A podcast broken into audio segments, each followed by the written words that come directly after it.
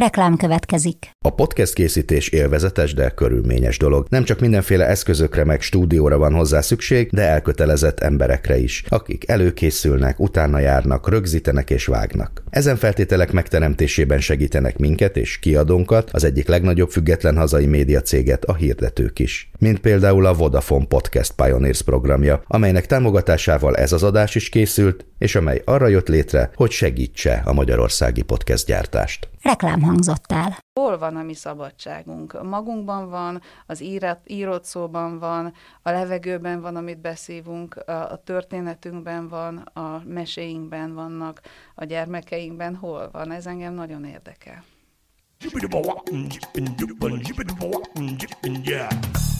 A Líra könyv bemutatja a 24.hu könyves podcastjét, a Buksót.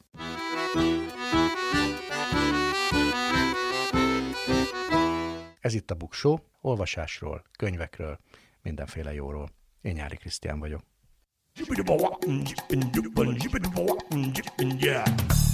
A mai buksóban a könyvhét körül folynak majd a beszélgetések és a könyvismertetés is.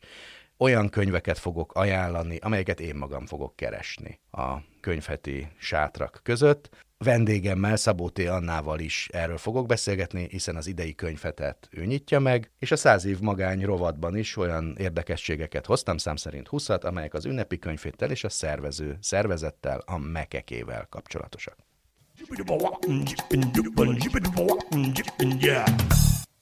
Száz év magány. Számok a sorok között, érdekes adatok a könyvek világából. Hamarosan kezdődik a ünnepi könyvét, úgyhogy én 20 érdekességet hoztam a könyvetek, illetve a könyvetet szervező Mekeke történetéből. Már az is érdekes, hogy mi az, hogy Mekeke. Szóval idén szeptember másodikán kezdődik el az ünnepi könyvét. Ez a 92. a könyvetek sorában. A könyvét szervezője tehát a Magyar Könyvkiadók és Könyvterjesztők Egyesülése, ez a feloldása ennek a furcsa szónak, a mekekének. A mekeke egyébként az ország legrégebbi civil szervezete, ezt kevesen szokták tudni, jogelődjét ugyanis 226 évvel ezelőtt 1795-ben alapították. És ahogy a könyvnyomtatást is a magyarországi németek kezdték el, a könyvkiadás és a könyvkereskedelem első hazai képviselői is jó részt német ajkúak voltak. Amikor megalakult ez az első grémium, akkor a pesti székhelyű 12 könyvárus, aki ezt alapította, jó rész mind német volt, egy magyar volt köztük, úgy hívták, hogy Kis István, őt rögtön meg is választották elnöknek. A grémiumnak akkor még nem Mekeke volt a neve, hanem Pester Buchhandler Grémium, azaz Pesti Könyvárosok Grémiuma. A magyaron kívül egyébként csak egy könyves társaság tekintett vissza valamivel hosszabb múltra, nem sokkal hosszabbra, a svéd könyvkiadók egylete, ez három évvel korábban jött létre. A legfontosabb német könyves szervezet, a Lipcsiben alakult Német Könyvbörze Egyesület, ez a Börsenverein der Deutschen Buchhändler, viszont csak 1825-ben jött létre, ám egy ott tevékenykedő magyar könyvkereskedő Horváth Károly keresztély javaslatára, szóval a legnagyobb európai könyves szervezet alapításához is volt közünk. A reformkorban két Gusztáv, Hekenes Gusztáv és Emich Gusztáv voltak a meghatározó könyvpiaci szereplők, és egyben a legfőbb versenytársak, tehát akkor is két nagy cég vetélkedése határozta meg a könyvpiacot. Emich Gusztáv 1842-ben alapított könyvterjesztő és kiadó cége az alapító halála után felvette az Ateneum nevet. Ez a társaság túlélte a forradalmakat, háborúkat, az államosítást, rendszerváltást is. Így ma a Lira csoporthoz tartozó Ateneum kiadó Magyarország legrégebben működő könyv könyves cége, ugye jövőre lesz 180 éves. A Magyar Könyves Szervezet a német Börzenferein mintájára újult meg 1919-ben, egy társaságban egyesítették a kiadókat és a könyvárusokat, ez ma is így van, ez nem minden országban van így, sőt, ez a kevésbé szokásos. Az akkori név Magyar Könyvkiadók és Könyvkereskedők Országos Egyesülete volt, és a Mekeke ma is nagyjából ebben a modellben működik, ami 1919-ben kialakult. Az Egyesülés 1927-es Miskolci közgyűlésén javasolta a Subka Géza művészettörténész kulturális újságíró, a Literatúra című folyóirat szerkesztője, hogy legyen egy olyan évente megrendezendő rendezvénysorozat, amely alkalmat ad a magyar könyvek és írók bemutatkozására. Ezt a javaslatot a könyvszakma ott lévő képviselői lelkesen elfogadták, és még nem a következő évben, akkor csak egy próbát tartottak, hanem a rákövetkező évben 1929-ben meg is tartották az első ünnepi könyvetet, ráadásul a ma szokásosnál kicsit korábban május 12 és május 20-a között. A megnyitó felolvasást Kosztolányi Dezső tartotta, azóta is mindig egy író beszédével kezdődik a rendezvény. Persze miniszteri beszédek is mindig voltak, vagy sokszor. Az elsőt egyébként Klebesberg Kuno kultuszminiszter tartotta. 1935-ben készült először könyvnapi katalógus, ebben azonban még kizárólag magyar írók művei szerepeltek, az első hivatalos listán 55 mű szerepelt, 55 magyar könyv. A könyvetet szinte mindig megtartották, a legnehezebb háborús években is. 1942-44-ben persze a zsidó törvények árnyékában az írók egy része kiszorult, 1945-ben viszont a még romos Budapesten, úgyhogy közben Európában még tartott a háború, újra kiültek a túlélő írók a sátrak elé dedikálni. A könyvetet egyetlen alkalommal 1957-ben nem tartották meg, elsősorban a, a a hatalom félelmei miatt, ugye ebben az évben feloszlatták az írószövetséget, és súlyos büntetéseket szabtak ki sok irodalmi személyiségre, és nem mertek kockáztatni. Ez volt az egyetlen alkalom, tehát amikor elmaradt a könyvét. A kommunizmus alatt a Mekeke is elveszítette persze az önállóságát, valamiféle szakcsoportként olvasztották be a kiskereskedők szervezetébe, és persze államosították a társaság székházát, meg a, a nagyon gazdag könyvtárát is. Aztán meglepően korán, 1968-ban újjá alakult, az új gazdasági mechanizmus, hát ilyen nagyon mérsékelt, fékezett habzású piaci hullámának köszönhetően. Azóta használja a Magyar Könyvkiadók és Könyvterjesztők Egyesülése nevet. 1982-ben találta meg a könyvét a állandó budapesti helyszínét a Vörös Marti téren. Egyszer-kétszer kényszerből felújítás vagy hasonló okok miatt máshol tartották, de az igazi helye az azóta is a Vörös Marti tér. 1990 elején a Mekeke bejelentette, hogy többé nem fog beszédet tartani aktív politikusa megnyitom, fel is kérték az Írószövetség elnökét, hogy ő tartsa meg a beszédet, arra persze senki sem gondolt, hogy pár hónap múlva az Írószövetség elnöke, Gönc Árpád már köztársaság elnökként fogja megnyitni a rendezvényt, úgyhogy ez a vállalás nem teljesült, de azóta nem nagyon jellemző, hogy aktív politikusok mondanának beszédet, legfeljebb valami külön rendezvényen. A Mekeke a rendszerváltás óta ismét magáncégek piaci szervezeteként működik, a könyvpiac 95%-a képviseltetve van a szervezetben, tehát nincs két könyves szervezet politikai alapon, ez nagyon ritka Magyarországon, szerencsére a könyves szakmában így van. 2020-ban a koronavírus járvány miatt csak online formában tartották meg a könyvetet, ez tehát a második alkalom, amikor a hát fizikai valójában elmaradt. Idén pedig szintén a koronavírus járvány miatt került tavaszról őszre, a 2021-es könyvetet pedig következő vendégem, Szabó T. Anna fogja megnyitni. Könyvemberünk ezúttal Szabó T. Anna. Amikor ezt a beszélgetést fölvesszük, még talán tíz nap van hátra az őszre csúszott könyvhétig, de amikor el fog hangozni, akkor már csak kettő nap van hátra, és te nyitod meg a könyvetet. Milyen érzés egy ilyen Kosztolányitól Eszterházi örökébe lépni a, a könyvét megnyitóján? Azt hiszem, ha egy szóval kellene jellemeznem, akkor megható, és nagyon izgulok. Nem is azért izgulok, mert a fellépés maga érdekel, hiszen elég sokat állok közönség előtt, és könyvekről is elég sokat beszélek közönség előtt, hanem hogy ez egy elég fontos pillanat most, és hogy mit mondok, hogy igaz legyen, és eleven legyen. Nagyon sokat gondolkoztam rajta, és már van mindenféle vázlatom és ötlet. Tehát a fejedben már összeállt. Nem állt össze, az túlzás. De nem is akarok spoilerezni, de hogyha van olyan gondolat, amit szerinted így két nappal a megnyitó előtt érdemes elmondani, és megosztanád velünk, akkor az nagyon jó lenne.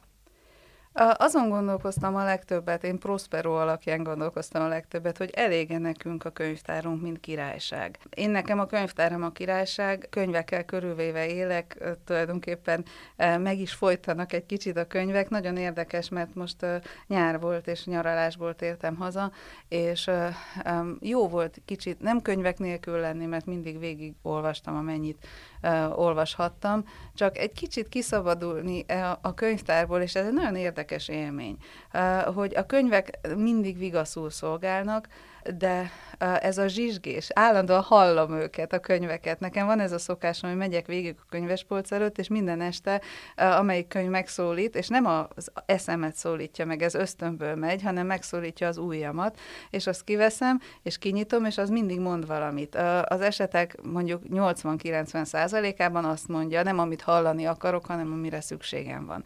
Legyen az eszékötet, legyen verses kötet, történeti szakmunka, akármi, nagyon izgalmas dolog, és egy kicsit ezt elengedni, ez nagyon izgalmas volt. Tehát az is, hogy a, a könyvtár és a szabad ég, hogy, hogy hol van a mi szabadságunk. Magunkban van, az írat, írott szóban van, a levegőben van, amit beszívunk, a, a történetünkben van, a meséinkben vannak, a gyermekeinkben hol van. Ez engem nagyon érdekel. Tehát azt mondod, hogy időnként csak úgy magunkra zárjuk a könyvtárunkat, és akkor az a bizonyos értelemben a szabadságunk rovására mehet? Nem, én mindig azt gondoltam, hogy maga a könyvtár adja a szabadságot. De azt gondolom, hogy az emberi, hogy az emberi gondolatok párbeszéde nagyon fontos. De hogy egyszer kétszer fel kell nézni az égre, hallani kell a világnak a beszédét. Most egy nagyon érdekes könyv sorozatot olvastam a, a nyaralás során, és az is érdekes, hogy az, hogy viszonyul, hogy a szabad ég alatt olvasod, a könyvtáradban olvasod, az olvasófotelben. Izgalmas dolog, hogy a könyvek hogyan szólnak különböző helyszíneken. És ha meg tudod beszélni a pároddal, a gyerekeddel, a barátaiddal, az is egy, egy nagyon fontos, hogy mondjam, adalék a könyvhöz. Párbeszédben vagyunk a könyvekkel és másokkal. Neked vannak olyan könyvemlékeid, amikor az nagyon fontos emlék, hogy hogyan és hol olvastad? Hogyne, hogyne, hogyne. Hát a nagymamám kertjében rengeteget, jókait egyébként ott, ott olvastam, és ezek a nagyon unalmas nyarak, és ez olyan jó. Tehát az unalmas nyár a jó nyár, és ilyen szempontból a szabadság, hogyha kijövünk a könyvtárból. Tehát egy könyvvel kijönni a könyvtárból, az nagyon jó érzés. Tehát a könyvtár, hogy mondjam, idősödvén, tehát 50 éve vagyok nem sokára, és úgy azt érzem, hogy mindent értek, és semmit nem értek. És ezért nagyon jó néha a könyvekkel külön kimenni, és utána visszamenni és beszélgetni velük. Ezen gondolkozom mostanában, hogy a könyv és a könyvtár, az írott könyv, a saját történetek, vannak olyan emberek, ugye, akik egész életükben készültek megírni a saját élettörténetüket, hogy mindenkinek van egy könyve, vagy nincsen, megosztjuk egymással a történeteinket, kinek kell megírni ezeket a történeteket. A gyerekkori olvasmányélmények hihetetlenek voltak, nagyon intenzívek voltak, és azt az intenzitást várom mindig vissza, és mikor megkapom egy-egy könyvtől, vagy akár egy cikktől, most olvastam egy cikket a New Yorkerbe, az Ann Patchett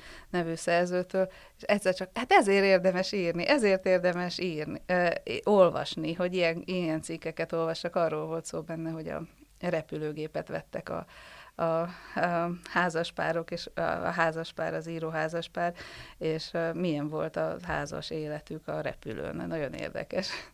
Nem arra, nem, mosolyogsz itt, de nem arra gondolok, hanem egy kis kétszárnyú gép, ahogy ketten. Tehát ez a földtől való elemelkedés, most persze gondolkodom tovább, hogy a könyveknek is szárnya van, stb. stb. Neked vannak meghatározó könyvheti emlékeid? Vagy egyáltalán neked a könyvhét az, az mit jelent? Életem leggyönyörűbb emlékei közé tartozik az a könyvhét 2002-ben, amikor Gyuri megírta a regényét, a Dragomán György az én férjem, és az első regényét végre megírta.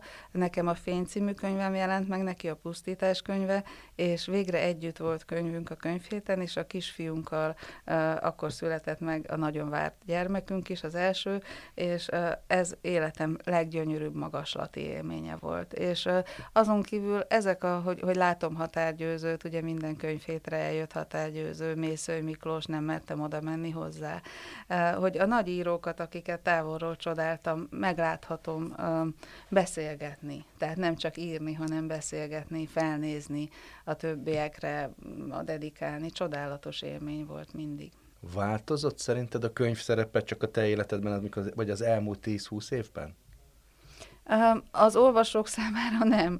Azok, akik, akik lemorzsolódnak, az a, az, az a nehéz. Tehát tulajdonképpen a, a világhálóra vagyunk rákötve, és az egy másfajta írásbeliség. Amikor a hírekre, a véleménycikkekre, én is művelem egyébként, tehát én is írok ugye mindenféle közösségi oldal használatban, tehát hogy elvonja a, az elmélyült figyelmet az írástól és az olvasástól. Ez tényleg valóban az én életemben is mondjuk sokkal több verset, és sokkal kevesebb regényt olvasok, amióta a hálóra vagyok kötve. Igen, változott.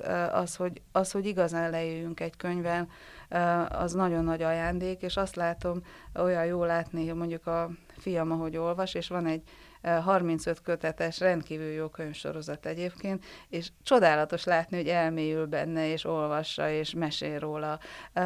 Minden ilyen író nagyon sokat tesz, aki olvasásra szoktatja, és olvasás közelben tartja az embereket. A, nem, nekem mindegy, hogy olvasógépen olvasunk, vagy hogy hívják ezt, e-olvasón olvasunk, vagy írott könyvet olvasunk. A polcon nem mindegy, de kézben tartva. Mindegy. Nekem olvasni is más, másként olvasok, azt figyeltem meg, hogyha egy könyvet mm. olvasok.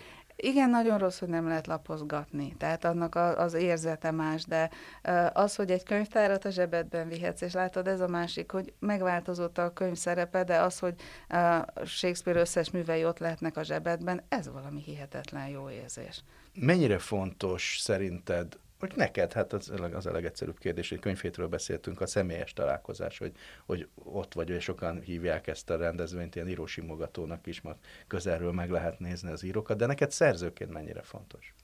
Hát különösen amióta tényleg sokan jönnek, azóta nagyon sokat segít abban, hogy érdemes legyen dolgozni. Tehát én egyébként nyilván magamnak is írnék verset egészen biztosan, novellát is egészen biztosan, de hosszabb dolgokat nem tudom, tehát novellás kötetet nem biztos, hogy összeraknék, ha nem lenne ez a visszajelzés.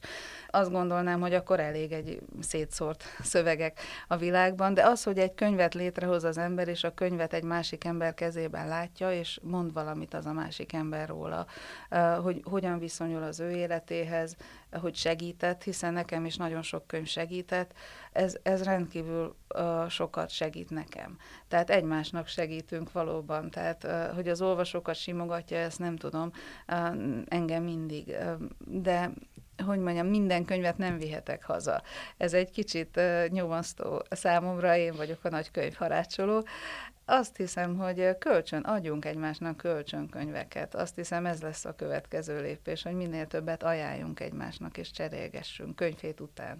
Te nagyon sok olyan rendezvényre jársz, ahol lehet találkozni személyesen a, a közönséggel. Nem tudom, hogy mi volt a legutolsó, de aminek a, a, a képeit láttam a Facebookon, az a Kolozsvári hát könyvhétpótló rendezvény volt, nem tudom, hogy mi volt a hivatalos neve. Mennyire kapcsolnak össze irodalmi műhelyeket, ezek a könyves rendezvények. Nagyon-nagyon különbözőek, vagy tulajdonképpen mindegyik ugyanolyan, mint a másik, csak másik városba tartják. Az, hogy az író kollégákkal az ember találkozik, az is egy nagyon fontos pontja a könyvhétnek is egyébként, de az ilyen fellépések, amikor színpadon vagy a színpad után beszélgetünk egymással, az pótolhatatlan mindenki sokkal jobban rohan, mint régen. Én nem éreztem az én generációmban, vagy az én baráti körömben biztos nem éreztem azt, hogy úgy, úgy járunk össze, mint régen. Elolvastam most már többször is Vámos Miklósnak az Isten szerelmére című könyvet, és ott állandóan szerkesztőségekbe járnak, állandóan összejárnak, leülnek, isznak, beszélgetnek.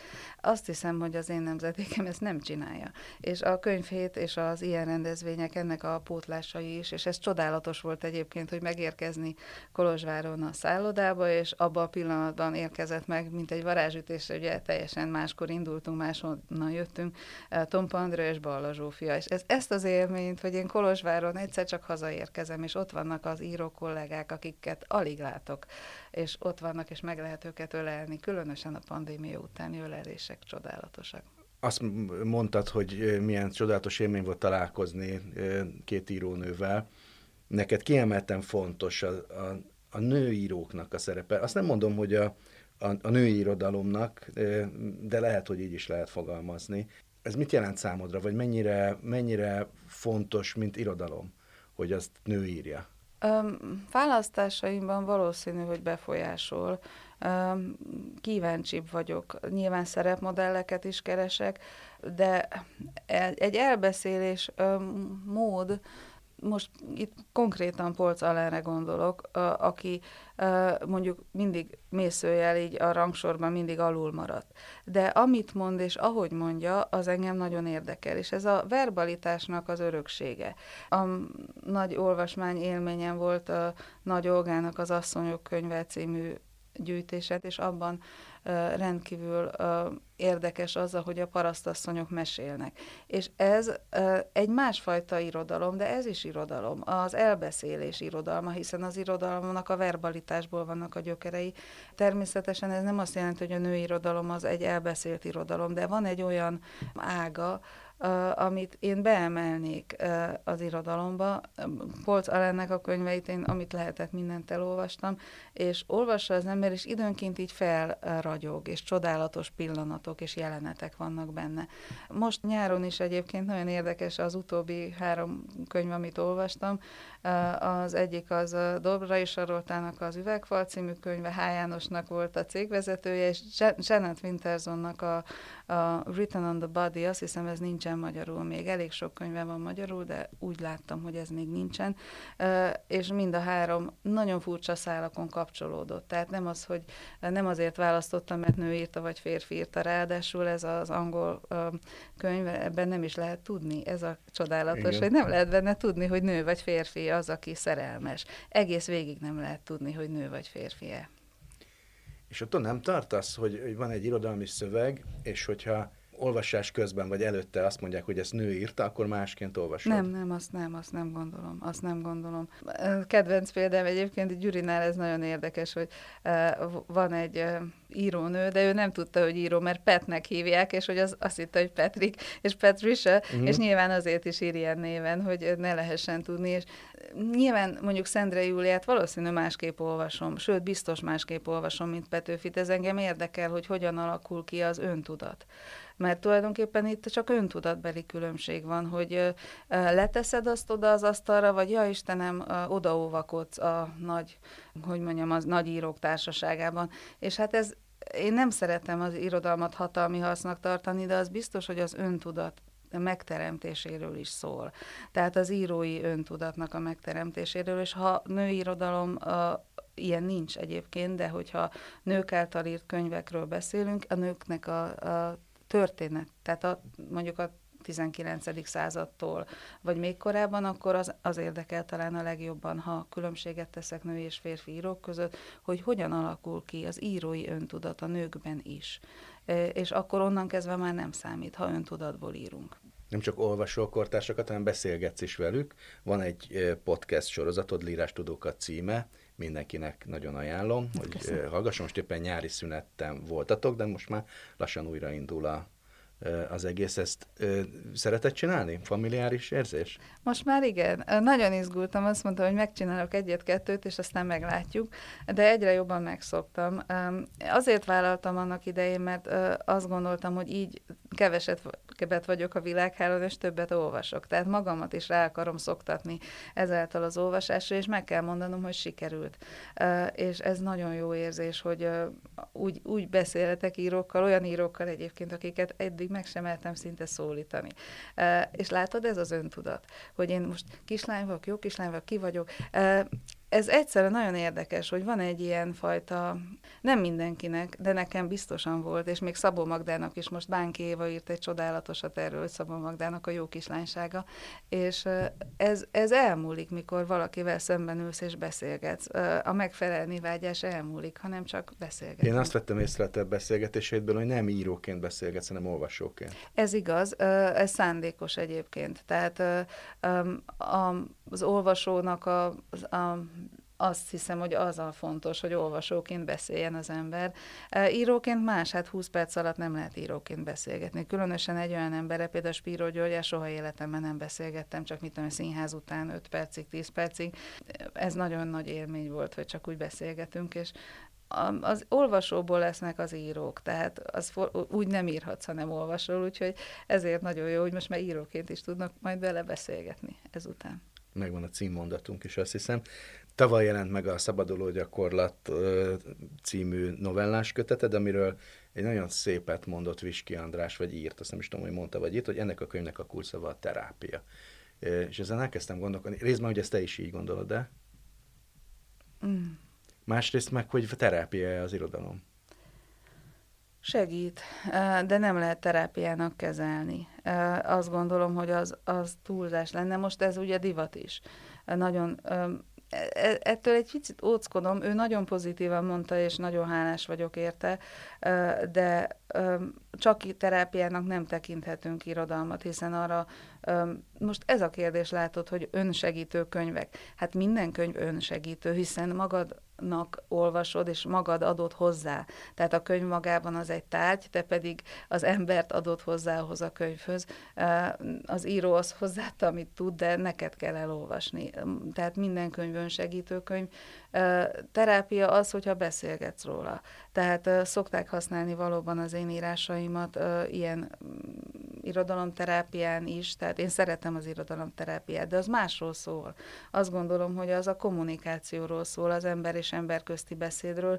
Az irodalom használatban van. Én azt gondolom, hogy használni kell az irodalmat, ilyen szempontból nagyon jó terapeutikus eszköz. De nem azért írjuk, hogy terápia legyen, én azt gondolom, hanem azért írjuk, mert emberek vagyunk, és megfigyeljük a másik embert, és rögzíteni szeretnénk valamit abból, akik vagyunk, megérteni szeretnénk magunkat, Nyilván a terápia meggyógyítani vágyik. Én azt gondolom, hogy nem kell meggyógyítani mindent. Tehát szép Ernő nekem nagyon fontos, hogy leírja, objektíven leírja, és nem ítélkezik, legfeljebb sajnálkozik, mert ő ilyen lélek volt, aki sajnálja az embereket. Neked mennyire fontos a novella, mint műfaj? Nagyon fontos, mert nekem a versből egyenes átjárás volt a novellában.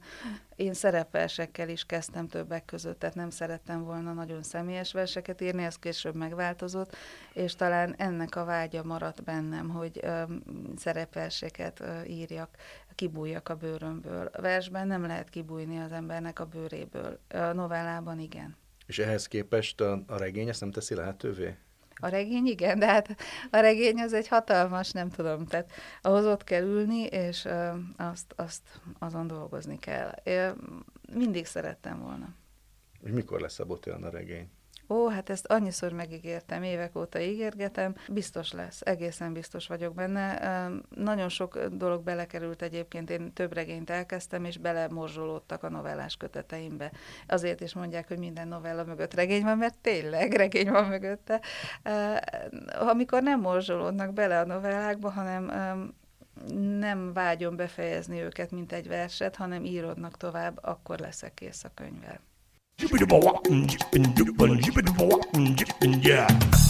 Top 10. Egy polcnyi jó könyv. Könyvajánló könyveti könyvekből. Ez egy nagyon szubjektív válogatás lesz. Én ezeket a könyveket keresem majd a könyvhéten. 10 plusz 2 könyvet ö, fogok ismertetni, azért 10 plusz 2, mert van kettő, amit minden évben megveszek, vagy ö, megszerzek magamnak, Tulajdonképpen amióta könyvhetekre járok, ez az első, amit beszerzek, ez pedig a körkép, illetve a szépversek. Az idei körkép és a szépversek különleges, mert hiszen a tavalyi online könyvhétre nem jelentek meg, úgyhogy ezek dupla számok. A körkép 2020-21-ben, tehát az előző két év legjobb novellái elbeszélései szerepelnek Turi a szerkesztésében és válogatásában. A szépversek 2020-21-es számát pedig, mint ahogy az elmúlt években hogy rendszeresen Szegő János szerkesztette. És akkor következzen a tíz könyv, amiért én kimegyek a könyvhétre, és persze ehhez képest mindig más könyvekkel is hazatérek majd. Először néhány regény. H. János Mamikán című regénye az Európa kiadónál jelenik meg. Nem tudom, miről fog szólni, de nagyon várom, nagyon szeretem H. János prózáját. Dunajcsik Mátyás Víziváros című regénye, ez a szerző első regénye, egyéb írásai már megjelentek, ő egy irodalmi szerkesztő, aki ezek szerint regényíró is, és nagyon várom ezt a könyvet. Akkor nézzük a verses köteteket, kortárs verseket. Simon Márton Éjszaka a konyhában veled akartam beszélgetni című kötete a jelenkornál jelenik meg. Zalán Tibor a Lovak reggelie című kötete, amelyben a 2013 és 2021 közötti verseit gyűjtötte össze a kortársnál. Néhány klasszikus új kiadását is keresni fogom, ilyen például Szomori Dezső a Balaton partján című gyűjteményes kötete, amely újságíró próza alcímet viseli, tehát valószínűleg a szerző publicisztikájából, tárcanovelláiból lesz majd egy válogatás, a múlt és jövő adja ki. Egyik kedvenc klasszikus szerzőm Tersenszki Józsi Jenő válogatott novellái is megjelennek a Holnap kiadónál, a címe Delirium. És ugyanígy a rövid prózához tartozik Tar Sándornak egy kötete, Lassú teher a címe a magvető válogatásában jelennek meg rövid prózák, novellák. Aztán egy kicsit evezzünk tovább a szépirodalomból, de a, a határterülete ne úszítsatok levelezésre, Faludi György hagyatékából válogat Csiszár Gábor, az Európa kiadónál jelenik meg a költőnek ezek szerint a levelezéséből, hátrahagyott írásaiból egy, egy kötet, nagyon izgalmasnak ígérkezik. Aztán két non-fiction könyv, tehát az ismeretterjesztő kategóriába tartozó könyv, amit keresni fogok. Az első az Ébredő jogerő címet viseli Galaxis utikalauz jogászoktól. Az Ateneum kiadó gondozásában jelenik meg Kiskelemen Bence és Nagy Ádám szerkesztésében. Ez egy nagyon izgalmas sorozat, a Sci-fi politológia című kötettel kezdődött, és azóta is komoly társadalomtudósok, most éppen jogászok írnak a, a fantasztikus irodalom, a, a fantazi világából hozott példákkal nagyon releváns társadalomelméleti elemzéseket. Ezt a kötetet is nagyon várom. Végül, de nem utolsó sorban, a tizedik a listámon Veszprémi László Bernát a Horti rendszer megszilárdulásának története című kötete, amely a Jaffánnál jelenik meg. A Jaffa kiadónak van egy nagyon izgalmas sorozata, amely kis monográfiákban mutatja be a 20. század elejének történetét, a világháborúról, a Károlyi féle népköztársaságról, a tanácsköztársaságról, Trianonról már jelentek meg könyvek, ez pedig a folytatás, tehát a Horti rendszer első egy-két évét elemzi a szerző.